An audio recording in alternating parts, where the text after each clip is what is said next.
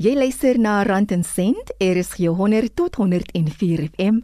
Goeiemiddag, ek is Olivia Sambu. Baie welkom. Jy kan inskakel op die DSTV kanaal 813 of luister aanlyn by www.rsg.co.za waar jy ook die program kan aflaai deur die potgooi skakel te volg. Jy kan ons ook volg op Twitter, Facebook en YouTube. En jy kan ook nou 'n WhatsApp teks of stemboodskap stuur na 076 536 6961 of stuur 'n e-pos na randencent.rsg@gmail.com. Dit kan een van die mees senitergende ervarings wees om die eiendomsmark vir die eerste keer te betree. Louis Forrie van Okandivi Properties Franchise raai kopers en verkopers aan om van 'n betroubare agentskap gebruik te maak al het jy die kennis om eiendom privaat te koop of verkoop. In 'n sekere mate is daar niks fout daarmee om dit te doen as jy die kennis het hoe om dit te doen. Vir iemand wat dalk nou 'n gekwalifiseerde prokureur is om om dit self te behartig, sien ek niks fout mee nie. Maar ewen so 'n persoon gaan sit met 'n probleem van blootstelling. As jy vat nou by Okandibi byvoorbeeld geniet ons verkopers blootstelling op 211 websites, social profiles, noem dit. Ek dink as jy jou eiendom vinnig wil verkoop, as ek nou sê binne 'n redelike tyd binne 3 tot 6 maande, gaan jy amper moed agent kry. Jy weet om in jou private hoedanigheid daai eiendom, daai tipe blootstelling te gee, gaan jou in elk geval 'n enorme klomp geld kos. Dan kan jy eintlik maar net sowel 'n agent kry om jou huis vir jou te verkoop en te bemark ook nou as jy dit privaat doen is daar ander onkoste ook aan betrokke om die kontrak op te stel en want jy gaan tog 'n professionele persoon moet hê wat dit vir jou hanteer. Jy weet as 'n mens nou leek as jy kan nie privaat gaan en net jou huis verkoop aan 'n koper en daar gaan verseker probleme opduik. Definitief belangrik om 'n agent betrokke te kry, maar ek moet ook sê 'n agent wat ervaring het en die nodige kwalifikasies het en daarom nou 'n rukkie in die area is, laat hy 'n idee het van watse area in daai dorp is 'n goeie plek om te belê en ek dink die prys waarvoor jy verkoop gaan jy ook bietjie sukkel om in jou private hoedanigheid sekerheid te hê oor wat die regte prys is om jou eiendom mee te verkoop, jy weet voor te verkoop. Dis 'n groot rol wat 'n agent daar speel is om om jou 'n bietjie advies te gee oor waarvoor moet jy die eiendom verkoop vir hom om redelik wys te verkoop. Ons sit met 'n stelsel met dalk 50 huise wat op die oomblik in die mark is in daai dorp vir 2 miljoen. So as as ek nou byvoorbeeld met 'n verkoper praat en en hy's in die moeilikheid en ek weet hy moet die eiendom vinnig verkoop, dan gaan ek hom aanraai om sy eiendom dalk net 'n 100 000 onder die ander ouens in die mark te sit, want dan is die kans aansienlik groter dat hy dat hy vinniger gaan verkoop. En as jy daarvan droom om jou eie huis te bou, dan het Louis die raad vir jou. Sy ou byvoorbeeld nou wil gaan in 'n in 'n erf koop en 'n huis vir jou daar bou. En jy het 'n beperkte hoeveelheid kontant natuurlik nou soos meeste mense om dit te doen. Waar baie mense 'n fout maak as hulle gaan en hulle koop eers die erf. Dan word die erf nou oorgedra in jou naam en dan begin hulle met die bouery. Dan moet jy nou aansoek vir 'n boulening. Nou wat ek ondervind het 'n beter manier om suits te finansier is om van die begin af die erf te koop saam met die bouplanne wat jy instuur vir die bank en jy keer die die finansiering as 'n geheel goed. Eerstens gaan jy vinniger jou huis hê en kan intrek en tweedens gaan dit jou minder kapitaal in terme van 'n deposito uit die sak uit jaag. Want koop jy nou 'n erf met jy klaar 50 50% deposito neersit. So kom ons sê jy koop 'n erf van 500 000 rand, is dit 250 000 rand kontant wat jy gemeneer sit om die erf te koop. En nou gaan doen jy aansoek vir 'n boulening, kom ons sê van 2 miljoen en nou moet jy weer 20% deposito neersit, maar gaan finansier jy dit uh, van die get-go af gesamentlik Anders as mense ook nie regtig met 'n erf sit maar jy kan nie op hom bou nie want nou kos die erf jou geld en jy kan nie uh, inkomste genereer uit hom uit nie. So ek sê altyd vir iemand as jy eiendom koop, maak seker jy doen dit op so 'n manier dat daar 'n gebou of iets bo-op is wat jy kan gebruik om 'n inkomste te genereer want andersins jaag jy jou maar eintlik geld uit die sak uit en hy bring nie eintlik vir jou iets in. Volgens hom is dit in die meeste gevalle duurder om huise te bou as wat dit kos om 'n bestaande eiendom te koop. Om 'n huis nie te gaan bou kos ek sal sê 15 tot 20% meer as wat jy 'n bestaande huis gaan koop. So in terme van 'n uh, belegging, dink ek is beter om bestaande eiendomme te koop, is ook baie makliker om te finansier, het minder kapitaal nodig. Maar om te gaan nou byvoorbeeld en 'n groter erf te koop en 6 huise te bou en te verhuur of te verkoop. Daar's baie goeie geld om te maak daar. En ook uh, weet vir mense wat dalk die eiendomsmark wil betree en bietjie geld omdraai daarso, baie goeie opsies is ook om huise te gaan koop wat bietjie werk nodig het. Jy weet gewoonlik kry mense hulle teen goeie pryse. Jy sou agterkom om hulle te renovate en mooi op standaard te kry en te verkoop. Dis nogal 'n winsgewende besigheid, hoor. Daar is baie mense wat vandag ontwikkelaars is wat 50 100 huise bou wat begin het deur huise so op te koop reg te maak en te verkoop. Ek het dit self ook gedoen op 'n stadium. So altyd 'n goeie idee en en dit is my goeie ding want dit verbeter die die perspektief van die area, dit, hoe 'n area lyk, jy weet. Gaan jy nou byvoorbeeld in 'n area of in 'n blok in waar daar 20 huise is en almal van hulle lyk lelik en jy gaan koop al 20 en jy maak al 20 reg weet bring jy eintlik die area bietjie op en in 'n uh, verbeter die mark in die area en al 20 daai huise se waarde gaan aansienlik hoër wees omdat jy al 20 te gelyk reggemaak het. As jy dalk nou een of twee vennote het en jy tackle 'n area en begin die huise so stuk stuk daar opkoop en verbeter en weer verkoop, kan dit op die einde van die dag vir jou baie baie goeie belegging wees. As ek nou toe kom en sê Louis wil nou 'n huis koop. Wat sal jy vir my sê omtrent die deposito? Hoeveel het ek nodig? In meeste gevalle afhangende van die koopprys, het jy nie 'n deposito nodig nie. Maar weer eens sit jy deposito neer, kry jy definitief 'n beter rentekoers. 'n Deposito spaar vir jou geld oor die lang termyn en 'n mens het tog maar daai bietjie likwiditeit en kontant nodig vir die oordragskoste en die tipe goed ook. So ek dink om in terme van om jou koper te prep, moet jy hom al eintlik altyd prep vir 'n deposito. Ewen sou jy nie een nodig hê nie, dan het jy in elk geval die geld vir die oordrags en verbandskoste ook daarso, maar 'n deposito help definitief soos ek gesê het om 'n beter rentekoers te kry wat wat belangrik is. Tog is rentekoerse iets wat jy in ag moet neem vir hmm. jouself wanneer jy eiendom koop. Hoe kan ek dit deel maak van my besluit? Dit is seker een van die groot redes hoekom 'n mens 'n agent en 'n bond originator moet kyk. Kyk, meeste agentskappe het bond originators wat die, wat die aansoek om finansiering, die lening aansoek hanteer. En so kry jy gewoonlik beter rentekoerse as wat jy nou direk na jou eie bank toe gaan of net na een bank toe gaan. Want wat ons daar doen is, kom ons sê jy kry nou 'n goedgekeurde verband by al vier die hoofbankgroepe. Jy weet Absa, Nedbank, Standard Bank um, en FNB, al vier keer keer jou lening goed. Maar jy beste rentekoers kry jy nou byvoorbeeld dalk by Absa maar jy bank by FNB. Dan gaan ons nou na na jou FNB bank en sê vir hulle hoor die kliënt wil graag eerder die lening by julle bewerkstellig, maar op die oomblik sit hulle met 'n beter rentekoers by Absa as by julle. So as julle dalk die rentekoers kan verbeter met 0.5%, dan reël ons dat die kliënt eerder die die verband deur julle registreer. 0.5% klink soos min rente, nee, maar dit is ongelooflik baie geld oor 30 jaar. Dit is definitief as 'n koper 'n fight wat jy moet fight, jy weet, om die beste rentekoers moontlik te kry. Dit spaar vir jou duisende rande oor 'n paar jaar.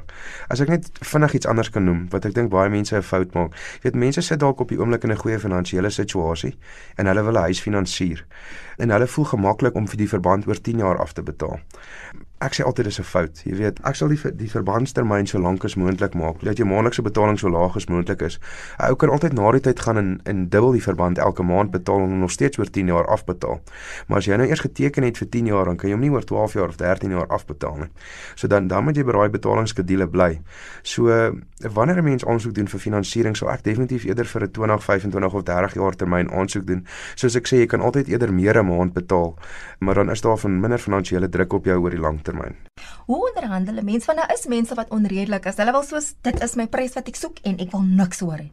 En dan kry jy die koper wat jy kry reeds 'n goeie prys.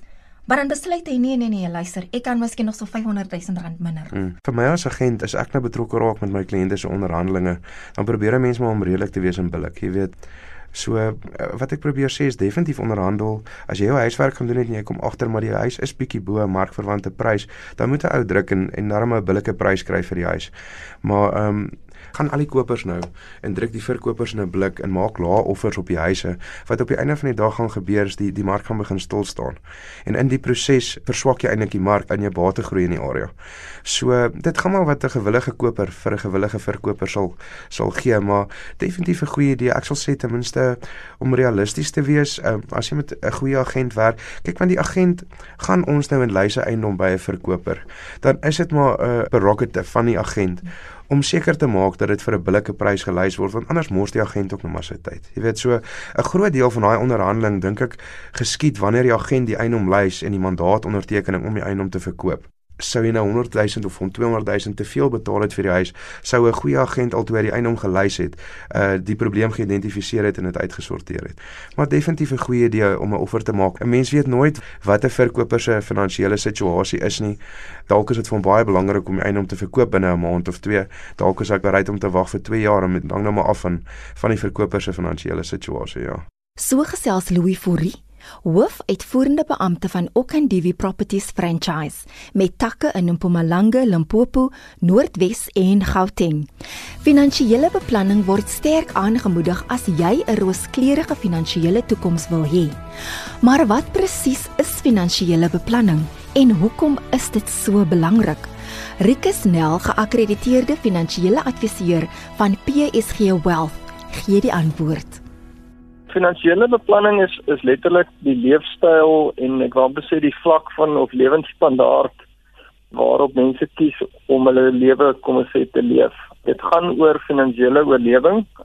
Ons is nie meer 'n generasie wat uh, uitgaan en kom ons sê ons kos gaan jag in terme van diere of jy weet oeste wat ons afhaal en self selfversorgend tipe van lewe nie. So ons moet geld verdien en daai geld aanwend tot die beste van ons vermoë om 'n goeie lewensstandaard te kan probeer handhaaf. Dit sluit letterlik alles in. Jy weet van enige dienste wat ons geniet, van dit is oorlewingsdienste, van dit is mediese sorg, van dit is skoling, van dit is versekerings, van dit is natuurlik ons die voedsel en voeding wat ons inneem. Dis beskerming rondom waar ons bly, hoe ons bly, hoe ons osself beveilig. So die hele tema van finansiële beplanning is nie iets wat irrelevant is vir enige iemand wat leef nie. Dit is absoluut toepaslik en absoluut jy weet relevant vir almal wat die om ons is en wat 'n goeie lewensstandaard en, en ek wou sê veilige lewenswyse wil lei. Die persepsie bestaan Rikus dat finansiële adviseurs is net vir mense wat ryk is. Goeie finansiële advies is nie goedkoop nie, dit kan ek by sê, wat ek dink tog van goeie adviseurs se kant af probeer om vir uh, alle mense finansiële advies toeganklik te maak. Dit is nie so eenvoudig nie, want jy weet alhoewel daar 'n gevoel is dat finansiële adviseurs het wel besê 'n plig om almal te help. Ons almal probeer ook uh, jy weet 'n besigheid stuur en bestuur en dit word op kommersiële terme en en reëls uh, maar aan ons kant ook wat geld. So dis vir ons ook moeilik om vir iemand wat nie vir die dienste kan betaal nie finansiële advies aan te bied. Uh, ek dink tog daar is geweldig baie beginsels en riglyne wat wel deur adviseurs beskikbaar gestel word deur media, goed wat geskryf word, praatjies soos hierdie waarop mense kan inskakel en tot 'n groot mate hulle self kan verbeter. Natuurlik is daar optimale vlakke wat 'n mens probeer bereik met finansiële advies en iemand wat daarvoor kan betaal en vir kwaliteit advies kan betaal, gaan beter uitkomste hê. Dit is so. Maar ek dink daar is 'n dryf van die regering se kant af om dit meer toeganklik te maak en en daarom trend kan ons 'n hele paar nuwe wetsontwerpe sien. Soos ek sê, dit van my kant af ek is nie uh, adviseur wat iemand wegwys nie. Ek kan nie met almal besigheid doen nie maar ek probeer om vir almal ten minste 'n tree vorentoe of twee te gee. En soos ek sê, dan is daai verantwoordelikheid ook op op individue om te gaan oplees en te gaan luister en praat met mense wat miskien wel toegang het tot dit. Jy is hier dieselfde wat jy gewees het 20 jaar gelede nie. So jou finansiële doelwitte en jou beplanning, dit pas aan by jou leefwyse. Nee, absoluut. Almal van ons gaan deur verskillende fases en tipies, ek wil maar net sê ongeag van die ouderdomsfase, daar is maar tipies, kom ons sê, vier fases in in enige iemand se lewe. Een is in 'n in 'n opboufase. So ons praat nie van van aftrede en aftrede beplanning nie. Ons praat eintlik maar van finansiële onafhanklikheid. So in enige finansiële onafhanklikheidsplan is daar 'n opboufase, goed, waar iemand dan soveel as moontlik bates probeer akkumuleer vir 'n punt van afskaling of aftrede as jy dit so wil noem.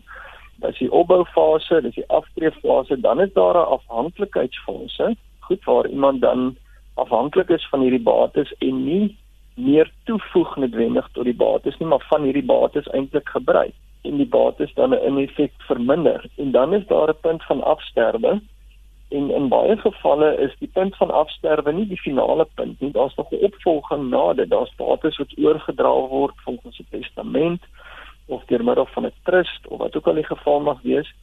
En daai beplanning uh, stop met ander woorde nou nie vir daai individu by punt van dood nie. Dit gaan nie oor 'n ouderdomsfase eintlik nie. Dit gaan eintlik oor waar is iemand in hierdie fase? Waar is iemand in die opboufase? Wanneer is so 'n persoon se punt van aftrede of van afskaling en punt van finansiële onafhanklikheid? En dan uh, gaan die beplanning daarvan af rondom oor hoe lank moet so 'n persoon besig of haar bates ge, gedra word? Hoeveel kan geneem word om van te leef?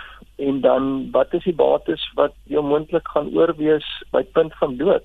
of dit kan 'n geval wees waar iemand se bates voor dood uithardloop.